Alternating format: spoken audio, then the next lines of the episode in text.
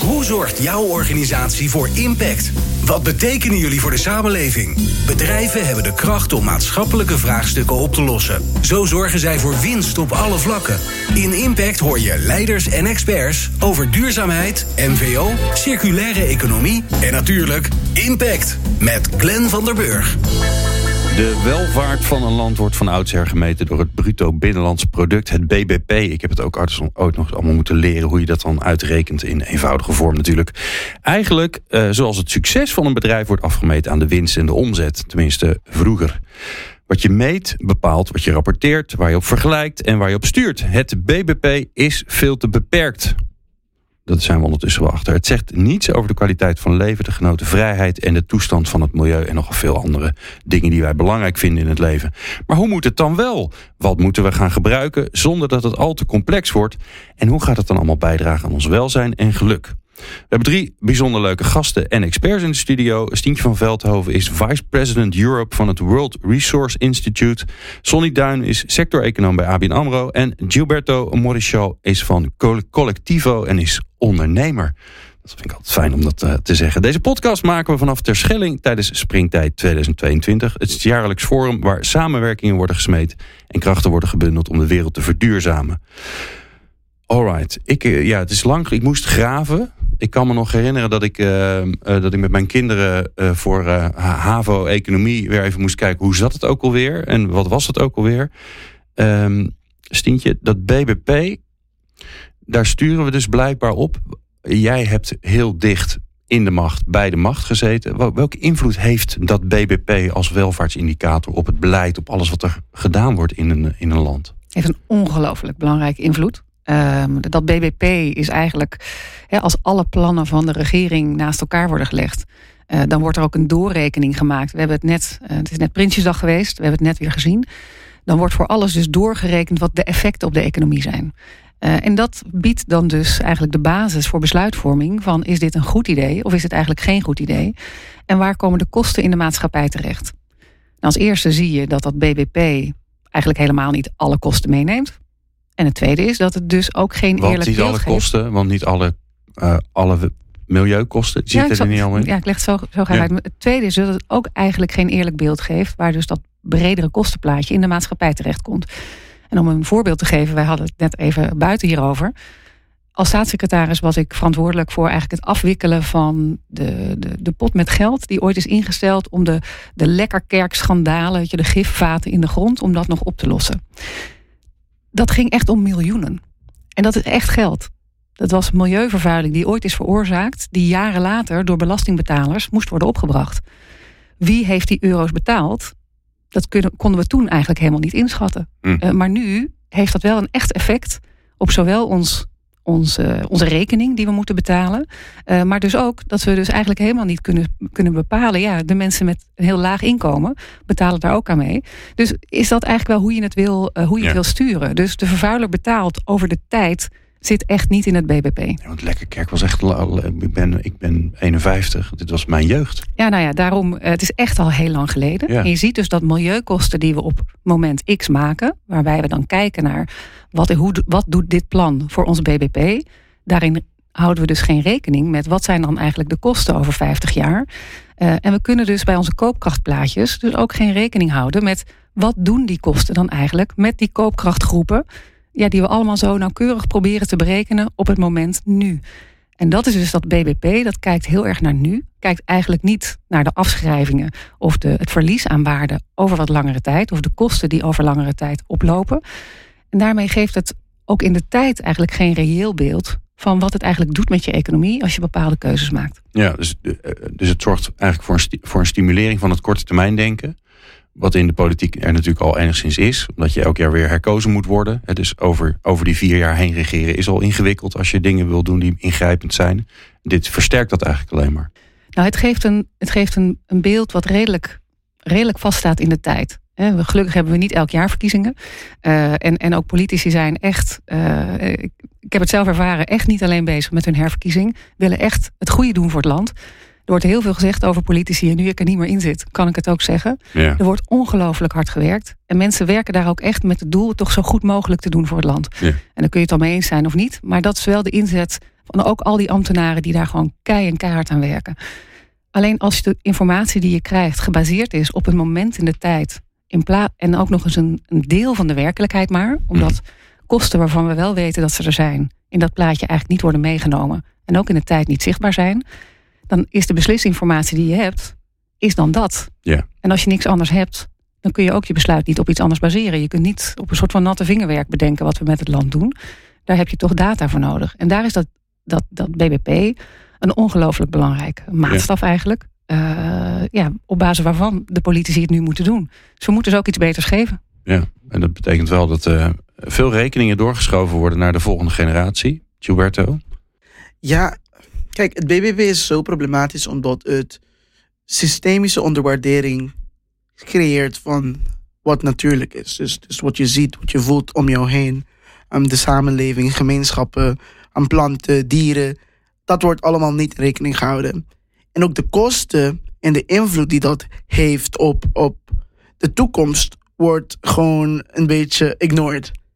En we moeten gaan naar een model die ook gewoon waardering geeft aan publieke goederen. En het ziet als de basis en de fundament van ons bestaan en ons economische stelsel. Kijk, economie grotendeels is nu een fantasie. Want je kan heel veel geld maken zonder dat je enig iets van waarde toevoegt aan de aarde of aan een gemeenschap. En dat is iets dat fundamenteel mis is met het systeem. Kijk, if I'm destroying the world and I'm getting rich, wat zegt dat over mezelf, maar wat zegt dat over onze samenleving? Dat dat is wat gewoon verdient. Dat dat is wat ook een geld wordt gegeven. En we moeten echt naar een fundamentele her, herontdekking van wat het betekent om economisch welvarend te zijn. Ja. En brede welvaart is een oplossing waarvoor um, wat wij nu doen met collectieven is ook wij waarderen publieke goederen zoals bossen en koraalriffen en we gebruiken blockchain technologie om die waardering ook te verbinden met crypto tokens die ook weer, weer geïnvesteerd kunnen worden in social impact.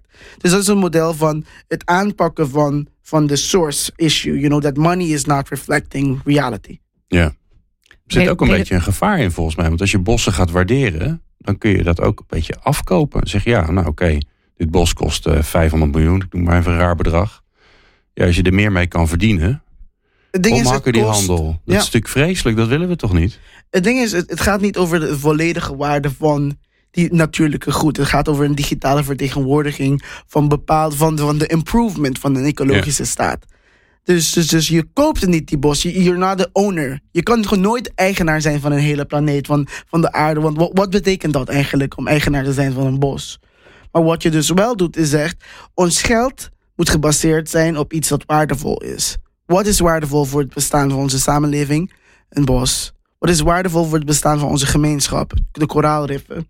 En, en zo, je gooit het eigenlijk op zijn kop. Um, in, in, plaats van dat we denken dat geld dan, de, dat, dat we de bos waarderen in geld, we waarderen geld in bossen? ja. Ah, en en dat, is de, dat, is de, dat is de upside down type way of thinking die nodig is voor de toekomst. Dat het gaat dat onze natuur is wat heilig is. Onze natuur is wat belangrijk is. Onze natuur hmm. is wat noodzakelijk is. Nothing else. Mooi, ja mooi. Uh, Sonny, als ik kijk naar wat er in het bedrijfsleven is gebeurd met uh, nou, natuurlijk de hele, alle golven, met alle afkortingen van MVO en CSR, nou noem ze allemaal maar op, uh, de SDG's daar zie je gelukkig maar dat er steeds meer taal is, dat er steeds meer metrics ook zijn, steeds meer, meer indicatoren om bedrijven de betere kant op te sturen. We zijn er nog lang niet, er valt nog heel veel op aan te merken, maar dat is er wel. Dat is er wel en er gebeurt heel veel op dit vlak. Eh, de afgelopen jaren is er ook echt heel veel gebeurd. Op allerlei dimensies. Hè? Of het gaat nou om een, om een nieuwe KPI om het rendement op investeringen te meten. Dat, je, dat dat dichter bij well-being komt, zeg maar. Of nou ja, we hebben zelf een, een sectorale welzijnsmonitor gemaakt. Dus dat is heel sectoraal. Maar je hebt het ook nog, ja, je hebt nog de Better Life Index van de OCD. En eigenlijk met verschillende uh, dimensies. CBS natuurlijk, brede welvaart, heel regionaal. Dus allerlei dimensies en natuurlijk ook allerlei initiatieven, zoals de afkorting waar je ook naar verwijst, die enigszins in die context zitten. Maar wat je ook wel vaker hier op springtij hebt gehoord, hè, er is een systeemverandering nodig. En dat is voor mijn gevoel, je kan het nog enigszins als containerbegrip zien, denk ik. Maar is dat wel een redelijk breed gedragen. Uh, in ieder geval onder, uh, onder bepaalde uh, groepen die dat ondersteunen, is dat een redelijk breed gedragen visie. Hè? Van mm. we moeten veranderen, maar degenen die vinden dat we moeten veranderen, vinden vaak ook dat er een systeemverandering nodig is. En als er een systeemverandering nodig is, en dat is heel, heel, heel dat komt heel treffend naar voren in zowel wat Stientje als Gilberto eigenlijk zegt. Um, dan moet je dus ook je hogere doel anders maken, zeg maar dus dan, dan... Maar dan doen we toch gewoon wat Bhutan doet. Dan zijn we toch klaar. Dan gaan we geluk meten en dan ga je daarop sturen. Dat, ja, maar Bhutan, dat is een van de voorbeelden. Hè? net zoals Nieuw-Zeeland een voorbeeld is, dat Schotland een voorbeeld is. Dat, weet je, er zijn allerlei voorbeelden. Maar het is wel redelijk versplinterd. En we hebben denk ik ook iets nodig. En waarom is dat erg, Sonny? Nou, dat is, dat is erg. Omdat uiteindelijk, of erg, het is goed dat die initiatieven er zijn. Laat me dat vooropstellen. Ik bedoel, ik ben zelf ook een van de initiatiefnemers. Dus. Maar tegelijkertijd van een dergelijk initiatief, maar tegelijkertijd, je wilt iets, hè, en zeker onder druk kan je toch vaak terugvallen op iets wat gewoon heel bestaand en heel krachtig is in de taal van het systeem zit, waar dingen aan gerelateerd worden in allerlei doorberekeningen. Uiteindelijk wil je naar iets wat dezelfde status heeft als GDP, als BBP, zodat het echt consequent, of het nou wel of niet onder druk staat, welke emoties je er ook bij voelt, dat dat het hogere doel uiteindelijk is. En dat is nodig. En dan heb je iets nodig wat veel, wat ook naast die initiatieven die er zijn, heb je ook iets nodig wat dezelfde status heeft als GDP, breed gedragen, internationaal geaccepteerd, ja. et cetera. Ja, en, dat, en, dat, um, en dan als ik dit hoor, want ik hoor het ook veel, hè, ja, systeemverandering nodig en allemaal groot, groter, grootst. Dan denk ik ook lang, langzamer, langzaamst. En die tijd hebben we niet. Dus Stientje, hoe, hoe gaan we ervoor zorgen dat we snel bij zo'n nieuwe standaard komen? Waar we allemaal blij mee zijn. Nou, wat wel, wel mooi is om, uh, om te zien, is dat er wel al heel veel gebeurt. Want inderdaad, uh, het hele concept van nieuwe brede welvaart. Uh, dat is iets, en ik vind het ook wel mooi, hè, Nederland uh, is daar echt ook al een tijdje mee bezig. en probeert dus al die aanvullende informatie te creëren voor besluitvormers. Het zou nog mooier zijn als het allemaal geïntegreerd was in dat ene getal of in die ene berekening. Um, maar we zijn in Nederland via dat brede welvaart CBS echt bezig om die beslisinformatie toe te voegen. dus ik denk als je vraagt hoe komen we snel bij stappen, dan duurt het vaak heel lang als je eh, een silver bullet wil uitvinden. Dat duurt vaak heel lang. Wat je wel kunt doen is elke dag kijken wat je kunt verbeteren. Uh, op basis wel van, van een doel waar je naartoe wil. En ik denk dus dat dat soort concepten als brede welvaart in, in, Indonesië of in Nieuw-Zeeland zijn inderdaad dingen ontwikkeld. De OESO is daarnaar gaan kijken. Um, ik denk dat het heel goed is dat al die concepten bedacht zijn. En dat het ook belangrijk is dat op een gegeven moment dus toch een soort breinaald een keer doorheen wordt eh, getrokken. Om eens te zien, nou ja, wat, zouden, wat zijn nu elementen waarvan uh, ook bijvoorbeeld uh, coalities van grote bedrijven of een coalitie van, van High Ambition Coalition zie je vaak op, zagen we met kolen bijvoorbeeld ook, kolen de wereld uit als eerste een High Ambition Coalition die zei wij gaan dit structureel doen. Dus het kan helpen als dan een groep landen zegt wij gaan op deze manier onze beslisinformatie verrijken, ja. uh, structureel. Um, uh, en zeker ook als, uh, als centrale banken of grote financiële instellingen heel structureel gaan zeggen: wij gaan dit mede in kaart brengen om onze investeringsbeslissingen weer op te baseren. Je ziet dat de Wereldbank eigenlijk al een uitgebreider pakket hanteert voor het beoordelen van investeringen. Dat soort zaken zijn ongelooflijk belangrijk. Um, want die stappen zullen we wel gaan nemen. Dat is namelijk de echte wereld. Mm. het is dus niet zo dat we iets gaan toevoegen en eigenlijk verrijkt dat ons beeld van hoe de wereld echt werkt. Vroeger dachten we dat de oceaan oneindig was. We dachten dat de lucht oneindig was. En als je kijkt naar uh, de CO2-uitstoot en naar de plastic soep, hebben we ons mm. eigenlijk gerealiseerd dat dat dus niet zo is. We leven op een eindige planeet, dus ook die ruimte is eindig. Er gaat niks vanaf, er komt niks bij. Precies. En we hebben ook met elkaar om, om, toch een beetje optimisme ook erin te brengen, dat we wel degelijk dingen kunnen. Uh, we hebben een Greenhouse Gas Protocol. Uh, wereldwijd wordt volgens datzelfde protocol bekeken wat de CO2-uitstoot is. En in de context van het akkoord van Parijs worden daar ook afspraken over gemaakt. En spreken we dus toch wereldwijd een soortzelfde taal om te kijken hoe komen we daar naar beneden. Uh, ehm, uh, eh, WRI, waar ik nu werk, was overigens betrokken bij dat opstellen van dat Greenhouse Gas Protocol. Uh, en zo zie je dat ook uh, kennisinstellingen, NGO's kunnen ook echt een bijdrage leveren aan het toch aanjagen en het versnellen uh, van, uh, van dit soort ontwikkelingen. Dus ik zou vooral zeggen, laten we ook allemaal kijken wat we eraan kunnen doen. Ja, ja en ik moet, moet ook gelijk aan de SDG's denken. Ik weet toen, toen ze voor het eerst een beetje boven kwamen drijven. ik dacht, oh, we hebben weer wat nieuws bedacht. het is weer een nieuw naampje. En als je ziet wat een vlucht dat genomen heeft, tenminste, ja, ik zit ook maar in mijn mm. bubbeltje, maar hoe dat toch voor taal zorgt, zodat we het ongeveer over hetzelfde hebben, zodat mensen daar ook keuzes in maken van waar zit mijn impact daarop. Ja, wij, wij, Voor mijn gevoel is het heel krachtig geweest. Superkrachtig. Ook onze hele nieuwe zevenjaarsstrategie, die we eh, hopelijk binnenkort eh, afronden, is ook echt gelinkt aan die SDG's. We zetten onze impact targets dus ook op basis van de SDG's. eh, omdat we op die manier wereldwijd ook bijdragen aan Ja. een aantal van die doelen die we met elkaar toch als wereld hebben gesteld. Dus Ja. het spreken van dezelfde taal helpt enorm ook impact te focussen. Ja. Het gaat ook over ongelijkheid, toch? Het gaat ook over ongelijkheid, absoluut. Ja. Ja, als het Mens, goed is zit natuur alles erin, En klimaat. hè? toch? Ja, goed Ja, zo. in die SDG's. Maar, Ja. ja, ja. In Ja. principe wel. Ik denk het grootste gevaar van de SDG's, of eh, ik vind het zo wel geweldig aan de ene kant, want het geeft jou een duidelijke, concrete actieplan van oké, wat willen we bereiken en wanneer willen we dat bereiken. Dat is mooi. Het probleem is wel dat ze, we hebben ze onderverdeeld in bepaalde subcategorieën, zodat mensen ook keuzes kunnen maken, maar die keuzes zijn niet echte keuzes, want je kan niet um, bijvoorbeeld klimaat loshalen van ongelijkheid of loshalen van armoede. Um, het zijn allemaal systemische dingen die interconnected zijn. En, en, en de focus die ik wel dan zie bij bepaalde landen is: oh ja, wij kiezen vier SDG's en op dit vier, die, deze vier thema's gaan we de komende zes jaar focussen. En dat is niet genoeg. Want dan zeg je al die andere laat je links liggen en daarmee precies. gaat het niet goed komen. Ja, en, en, en kijk, we doen gewoon niet genoeg. En, Stientje en, staat en een beetje it. te twijfelen. Waarom twijfel je? Nou, omdat ik denk dat het ook belangrijk is dat, we, dat iedereen zich focust op waar ze goed in zijn. En niet iedereen is overal goed in. Maar wat je dan moet doen als jij de vier SDG's hebt gekozen waar jij goed in bent, is dat je wel zicht hebt op dat systeem. En dan nadenkt van met welke partners moet ik samenwerken om toch ervoor te zorgen dat het hele systeem werkt. Maar dat wil niet zeggen dat iedereen Ja. alles moet doen, want dan kan de inzet ook enorm verwateren. Eh, en dan kan het tot enorme versnippering leiden. Dus ik ben het helemaal met jou eens. Hè. Klimaat, natuur en mensen hangt is echt interrelated, interconnected. Dat is voor, voor onze nieuwe strategie ook. Die drie doelen, dat zijn onze kerndoelen. Dus niet meer alleen of klimaat, maar echt klimaat, natuur en mensen. Anders gaan we het gewoon niet redden. Die zijn echt zo interconnected. Ja. En daarbinnen gaan wij bijvoorbeeld kiezen... waar hebben wij als World Resource Institute nu eigenlijk onze kennis... Daar gaan wij op inzetten. Dat is een subset van de SDG's. Maar we gaan samenwerken natuurlijk met partijen... die dan hun kracht hebben zitten op Ja, een aantal van de andere elementen. Jazeker, maar er is een verschil tussen een organisatie of een NGO die dit doet en een land. En, Maar ook ehm, een land heeft zijn sterktes en zijn zwaktes.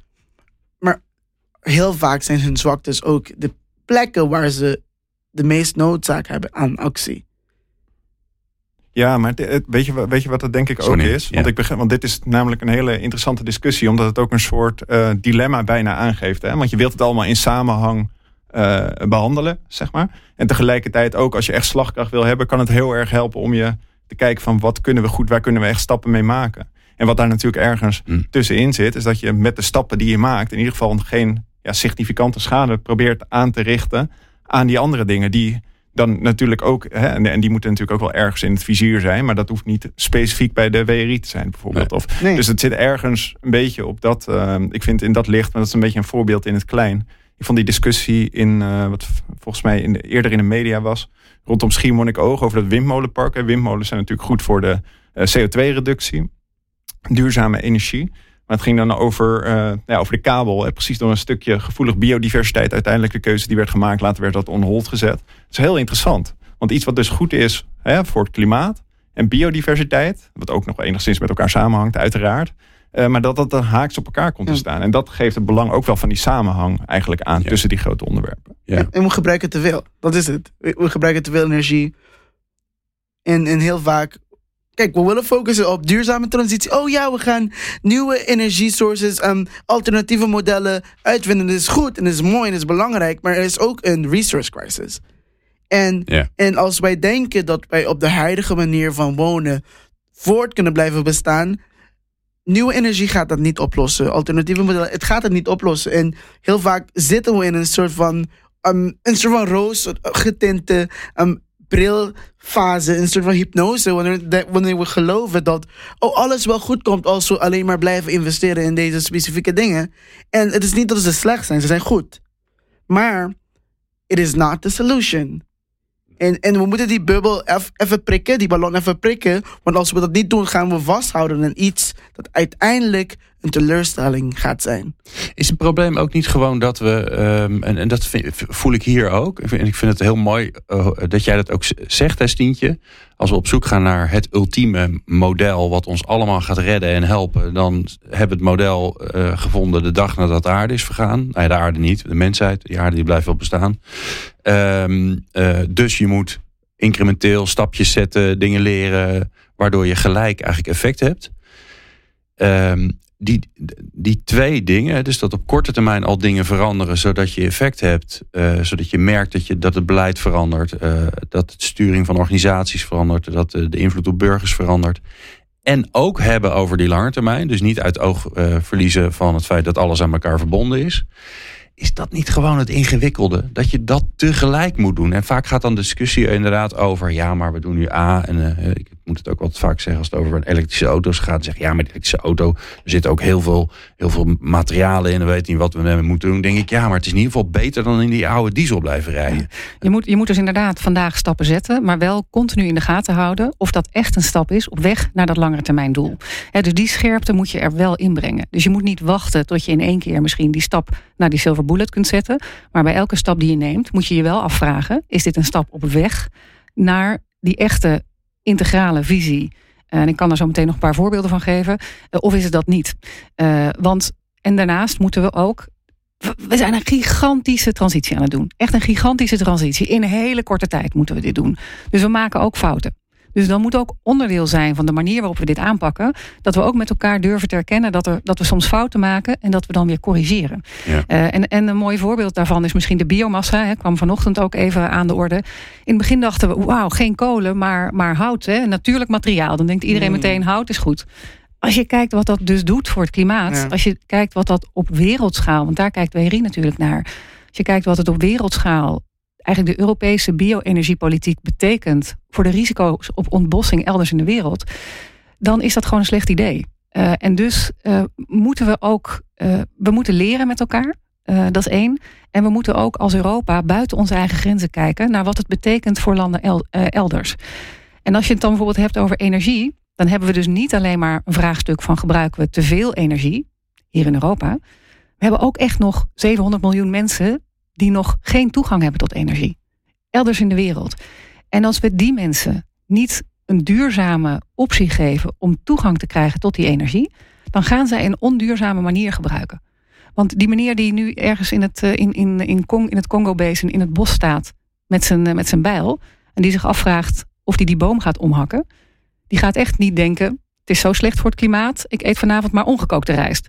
Die man, als die niet een beter alternatief heeft, hakt die boom om. En zouden wij allemaal doen. Ja. Dus we hebben nog, naast dat we in Europa heel goed moeten gaan nadenken... of hoe brengen wij onze footprint omlaag... moeten we ook een manier vinden om de rest van de wereld toegang te geven tot de basisbehoeften van voedsel, energie, water, eh, huizen, transport op een manier die ook duurzaam is. En helpt, helpt dat anders sturen? Dat anders kijken naar zo'n indicator, Precies. helpt die daar dan bij? Want ik kan me voorstellen dat ja, dat zit helemaal niet in, nu in het BBP, maar, maar voor mij zit het nog niet eens in, het, in de brede welvaart, toch? Zit dit niet in hoe het gaat met uh, onze soortgenoten, uh, mede mensen, mensheid in, uh, in Congo? Nee, dat zit er inderdaad niet in. Nee. Um, maar ik denk dus dat we in het beeld wat, we, wat we schetsen, um, we bijvoorbeeld de consumptie veel meer mee zouden moeten nemen. Als wij als Europa veel meer zouden meenemen wat onze uitstoot eigenlijk is via de consumptie, die we uit China halen, die ja. we uit andere landen van de wereld halen, krijgen we een eerlijker beeld van wat onze footprint eigenlijk is. En dan kunnen we ons ook afvragen waar ligt onze verantwoordelijkheid, wat moeten wij verlagen. Nu hebben we eigenlijk maar een gedeeltelijk beeld daarvan. En dan kun je ook dus niet goed op sturen. Ja. Uh, en daarnaast denk ik inderdaad dat het inzichtelijk maken, ook van die, van die, die, die interconnectedness, hè, die, die samenhang tussen al die systemen, ook helpt om ook in die landen de betere afwegingen te maken, maar ook in, uh, ook in Europa. Ja, er zit ook nog wel een andere dimensie aan waarom het belangrijk is om ook naar die verborgen, hè, naar die keteneffecten zeg maar te kijken. Dat is dat het ook zo kan zijn natuurlijk als je verduurzaamt uh, in je eigen land. Hè, dat dat soms een onbedoeld bijeffect kan hebben dat je misschien meer gaat importeren. Of dat de wetgeving misschien verschilt, dat zij daardoor misschien concurrentievoordeel heeft. Waardoor het voor de wereld, dat je er niet per se op vooruit gaat. Dus het is zo belangrijk om dat ook uh, voor ogen te hebben. We hebben dat een keer in, in samenwerking met CE Delft, die hebben ook die milieuprijs en zo een keer En dan heb je niet alles hoor, maar, maar eh, wel uh, nou, maatschappelijke kosten die aan veel emissies uh, samenhangen. Omdat mensen eerder overlijden, omdat het schade veroorzaakt aan biodiversiteit bijvoorbeeld. Ook keteneffecten meegenomen. En dan zag je dat ja, het Nederlandse BBP eigenlijk, en dat is nog conservatief, 7,6% uh, kleiner zou moeten zijn als je die schade ervan aftrekt. Precies. Ja. En dat beeld heb je eigenlijk nodig. En ik, jullie, jullie halen twee belangrijke punten aan. Um, die internationale.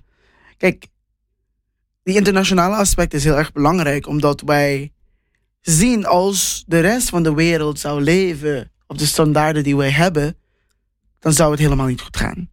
Maar dat is een fundamental issue, want dat zegt dat de manier waarop wij leven heel erg problematisch is. En dat het niet vanzelfsprekend is dat ook die landen op dit manier moeten gaan leven.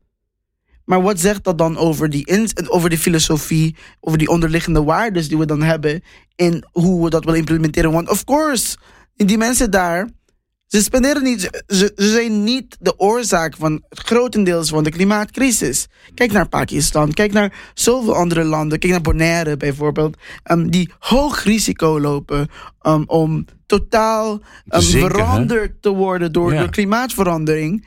En we vragen heel vaak zoveel meer van kleinere landen dan we van onszelf vragen. Want wij zijn oké met de comfort. En ja, we doen wel duurzame dingen. Maar in de, long, in de large scheme, wat doen we eigenlijk? En dat wil niet zeggen dat ik zou zeggen dat we niks aan het proberen zijn. Want iedereen hier probeert hun best. Maar er, moet een realisatie komen dat, dat een grote mindset shift nodig is om de economische realiteit te veranderen. Want we hebben alles dat we nodig hebben om die verandering waar te kunnen maken. Maar we zijn niet bereid om het te doen. Ja, dat zegt denk ik twee dingen. Enerzijds dat die uh, waardes kunnen verschillen per land en per uh, BBP, per capita en dat soort dingen. Dus dat, je daar, dus dat er ook wel ruimte moet zijn, denk ik, voor lokale manieren om, hè, om, om welvaart te meten, zeg maar. Even aanvullend op een breed gedragen groter initiatief. En tegelijkertijd ook dat hè, als je dacht een gedragsverandering, dat op een andere manier uh, ook in de mindset, zeg maar, naar die, uh, termen als groei en consumptie moeten kijken. Want economische groei bijvoorbeeld is niet per definitie goed. En dat zal jij ook ondersteunen, ja. Stientje. Ja, nee, maar dat, maar dat ja, is wel. Ja, sure. What does it mean? En, en, zeker, en zeker de koppeling aan, mooi het, dat, uh, ik aan vind het het- grondstoffenverbruik. Ik bedoel, we, er zijn ook heel veel manieren om ook consumptie nog weer los te koppelen van dat grondstoffenverbruik. We hebben in Nederland het mooie onderscheid tussen het woord gebruik en verbruik. Ja. En grondstoffengebruik, als je die materialen in de loop houdt, circulaire economie, waar ik veel mee, Ja. mee heb gedaan en nog steeds doe overigens, versus eh materialen verbruik. Eh, met het eerste kom je veel verder dan met het tweede. En dan nog, hè, onze consumptie in zijn algemeenheid, naast dat we moeten zorgen dat hè, de mooie koffiekopjes die we hier hebben, zijn eh, helemaal gerecycled. Eh, dus dat scheelt natuurlijk hartstikke veel grondstoffengebruik. Maar als we allemaal in één keer zes keer zoveel van die kopjes gaan gebruiken, dan Ja. wordt het er nog niet beter op. Dus Nee, onze nog, consumptie. mijn hele, moet- ik heb een laam vol met doppers. En dat wil dopper helemaal niet. Nee, precies. Nee. Dus we moeten ook onze één. consumptie, eh, eh, daar moeten we ook naar kijken. Het Ja. IPCC heeft een van de laatste rapporten berekend dat je eh, met consumptiegerichte maatregelen 40 tot 70 procent van de CO2-uitstootreductie zou kunnen realiseren. Dus het is NN. Maar we moeten ook naar die consumptiekant gaan kijken. Ja. Ja. En we moeten naar regenerativiteit in plaats van alleen maar duurzaamheid. Kijk, duurzaam betekent gewoon sustaining, wat je hebt. Wat we hebben is niet geweldig. Wat we hebben kost heel veel energie, kost heel veel um, um, grondstoffen en is vernietigt de aarde. Maar als wij de aarde gaan regenereren, als we de aarde gaan herstellen door te investeren in ecosysteemverandering, door te investeren in adaptatie, door te investeren in syntropische manieren van agricultuur, dan maken we de wereld fysiek ook beter. En er, er, zijn mil- millennia lang van tradities van, van verschillende um, gemeenschappen van hoe ze dat kunnen doen. Dus we hoeven de wiel niet heruit te vinden, maar we moeten wel weggaan van dit idee dat we alleen maar consumeren of dat we alleen maar moeten behouden wat we hebben. Maar we moeten gaan naar hoe kunnen we de aarde herstellen en beter maken met alles wat we doen. Ja. Ik wil, ik wil het. ehm, ehm, het is fantastisch. We gaan, we gaan alle kanten op. Dat ook weer zo. Het klinkt zo heftig, maar het is heel groot gewoon. En dat is ook mooi dat we het er vandaag over hebben. Ik wil het even weer terugbrengen naar, ehm, eh, naar de ondernemer. Dus we gaan het. Dit gehoor, gehoord te hebben allemaal, dat er anders gestuurd gaat worden, dat er andere richting. We gaan die kant op. Dat is voor ondernemers altijd belangrijk. Want als die weten, we gaan die kant op, dan gaan ze daarop voor sorteren. Dus ik, ik wil heel graag uh, voor onze luisteraars, die of bij een bedrijf werken of zelf ondernemer zijn, advies hebben van jullie. Wat zou je, wat zou je me adviseren als ondernemer, wetende dat we veel meer deze kant op gaan, weten dat er veel meer beleid deze kant op gaat, dat er veel meer, ook, ook vanuit banken en allerlei organisaties, veel meer zo gekeken gaat worden naar ondernemerschap, naar wat ondernemingen doen. Sonny, ga ik bij jou beginnen. Ja, nou, allereerst het definiëren van een hoger doel natuurlijk. Hè? bedoel, als je de, de kwaliteit van water of de, hè, bijvoorbeeld als hoger doel hebt, nou ja, dan ga je, en dat structureel naleeft, ga je andere keuzes maken als bedrijf bijvoorbeeld. Maar ook ontdekken waar de pijnpunten zit, uh, zitten voor jouw bedrijf. Als je het hebt over welvaart of welzijn of is dat omdat, uh, heeft dat te maken met hoe je met je werknemers omgaat? Komt er veel intimidatie? Is de loonkloof tussen mannen en vrouwen heel hoog? Heb je een hele grote footprint? Dat kunnen allerlei verschillende dingen zijn. Hm. En dat heel concreet vastpakken. En daarmee aan de slag gaan. En dat ook echt te vertalen. En ik ken ook wel tegenargumenten die daar tegen zijn. Maar um, tegen te verzinnen zijn. Maar tegelijkertijd echt vertalen in doelstellingen die net zo hard zijn als de financiële geëikte indicatoren die je kent. Ja, ja. ja. Oké, mooi. Ik vond het fantastisch om een econoom van een bank te horen zeggen dat economische groei eigenlijk helemaal niet zo wenselijk is. Vond ik wel heel mooi. Uh, dat, zei ik, dat, zei ik, niet precies. Hè. Ik zei alleen, we, we moeten eraf van dat het per definitie goed is. Ja, ja, ja, ja. nou, dat, ik, dat, is waar. Dat is waar. Je, je nuanceert het mooi, maar ook dat vind ik al een mooie uitspraak. We komen er wel uiteindelijk, Stientje. Ik zou zeggen, uh, kijk naar je bedrijf, uh, maar kijk dan kijk voorbij energie. Kijk naar je grondstoffen. Um, ik ben uh, co-voorzitter van het wereldwijde platform voor the acceleration of the circular economy. En wat we aan het doen zijn, is, een, is eigenlijk een training ontwikkelen voor eh, C-suite uh, bestuurders. Mm. Om hun eigen bedrijf eens door te lichten op waar zitten die grondstoffen kwetsbaarheden, maar ook mogelijkheden nu voor mijn bedrijf. Mm. Uh, waarbij je eigenlijk stap voor stap kunt identificeren waar kan ik er nou wat mee. Um, dus ik zou echt zeggen, ik denk dat we nu allemaal met de, de, de gascrisis ons in één keer realiseren Gas is natuurlijk een energievorm. Het is ook een grondstof. Uh, grondstoffen gaan naast energie uh, natuurlijk een ongelooflijk spannend terrein worden de komende decennia. Ja. Met een wereldbevolking die groeit naar 10 miljard mensen op een planeet die niet groter wordt. Dus denk na over hoe jij als bedrijf uh, kunt bijdragen aan het efficiënter omgaan met grondstoffen. Is goed voor jou, is goed voor de planeet. Um, en in de context van, van PACE zijn we daar dus ook instrumenten voor aan het ontwikkelen. Een training, maar daarnaast ook een manier om voor jezelf dan ook doelen te stellen. Zodat je ook kunt, nee, bepaalde doelen kunt stellen, kunt meten. Hè, what gets uh, measured, get managed. Mm Zodat je ook daarop kunt sturen binnen je bedrijf. Dus mijn tip zou zijn, kijk voorbij energie naar grondstoffen. Um, want dat gaat echt heel erg belangrijk worden ook komende jaren. Ja, en eigenlijk hoor ik je daarbij ook zeggen, kijk ook naar je businessmodel, want het hoort er eigenlijk bij.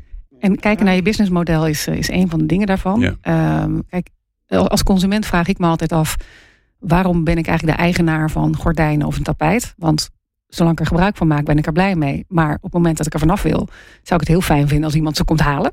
In plaats van dat ik zelf die vieze tapijttegels ergens vandaan moet, uh, moet halen. Ja. Terwijl de eigenaar van die grondstoffen, als dat bedrijf de eigenaar blijft, is eigenlijk iedereen blij. Dus ook in het nadenken over businessmodellen ja. kun je dus heel anders gaan nadenken hoe ga ik om met mijn grondstoffen. Overigens wel echt een punt voor de financiële wereld. Mm -hmm. Want die vinden het al heel normaal om het leasen van auto's te financieren. Dat doen we al decennia. Maar het leasen van tapijten of het leasen van, van wasmachines, dat begint nou een beetje te komen. Ja. Uh, het lijkt toch een nou stuk meer, ingewikkelder. Als je daar meer over wil weten, we hebben een aflevering gemaakt over, dat was de, de laatste van, uh, van gisteren, van de donderdag, over circulaire risicomodellen. Nou, Precies. Hè, dat is prachtig. Daar is en veel het te doen. probleem is, die zijn er nog niet.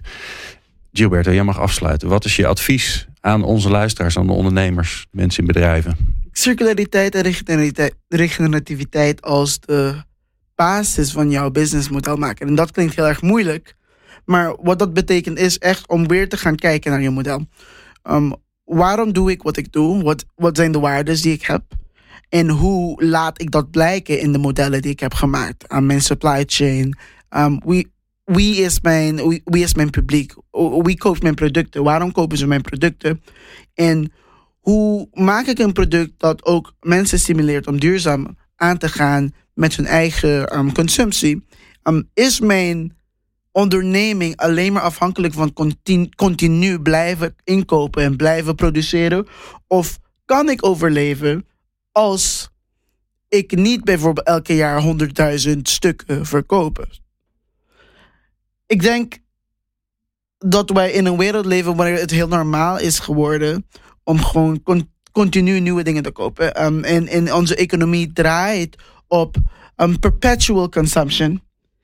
En bepaalde nieuwe modellen um, die heel vaak een service gedeelte hebben, een soort van dienst, een soort van social aspect hebben, die geven die geven ondernemers ook de mogelijkheid om revenue te krijgen zonder dat ze continu um, aandacht moeten besteden alleen maar aan de supply chain en alleen maar aan het produceren van goederen. Dus denk even na hoe je dat ook in jouw bedrijf en in jouw systeem kan, kan zetten, zodat jij niet alleen maar afhankelijk bent van um, het ja, verspillen van resources. Ik vond het een mooi gesprek. Ik dank jullie zeer. Uh, Sintje van Veldhoven van de World Resource Institute. En natuurlijk nog heel veel andere Sonny Duin van ABN AMRO. En Gilberto Morisho van Collectivo. Waar kunnen ze je vinden, Gilberto? Collectivo? Collectivo.co. Tuurlijk. Collectivo met twee K's. K-O-L-E-K. Ja, ja, ja. wij zullen het linkje ook wel even in de show notes zetten. En jij natuurlijk dank voor het luisteren naar deze aflevering van Impact. Meer afleveringen van Impact vind je op impact.radio.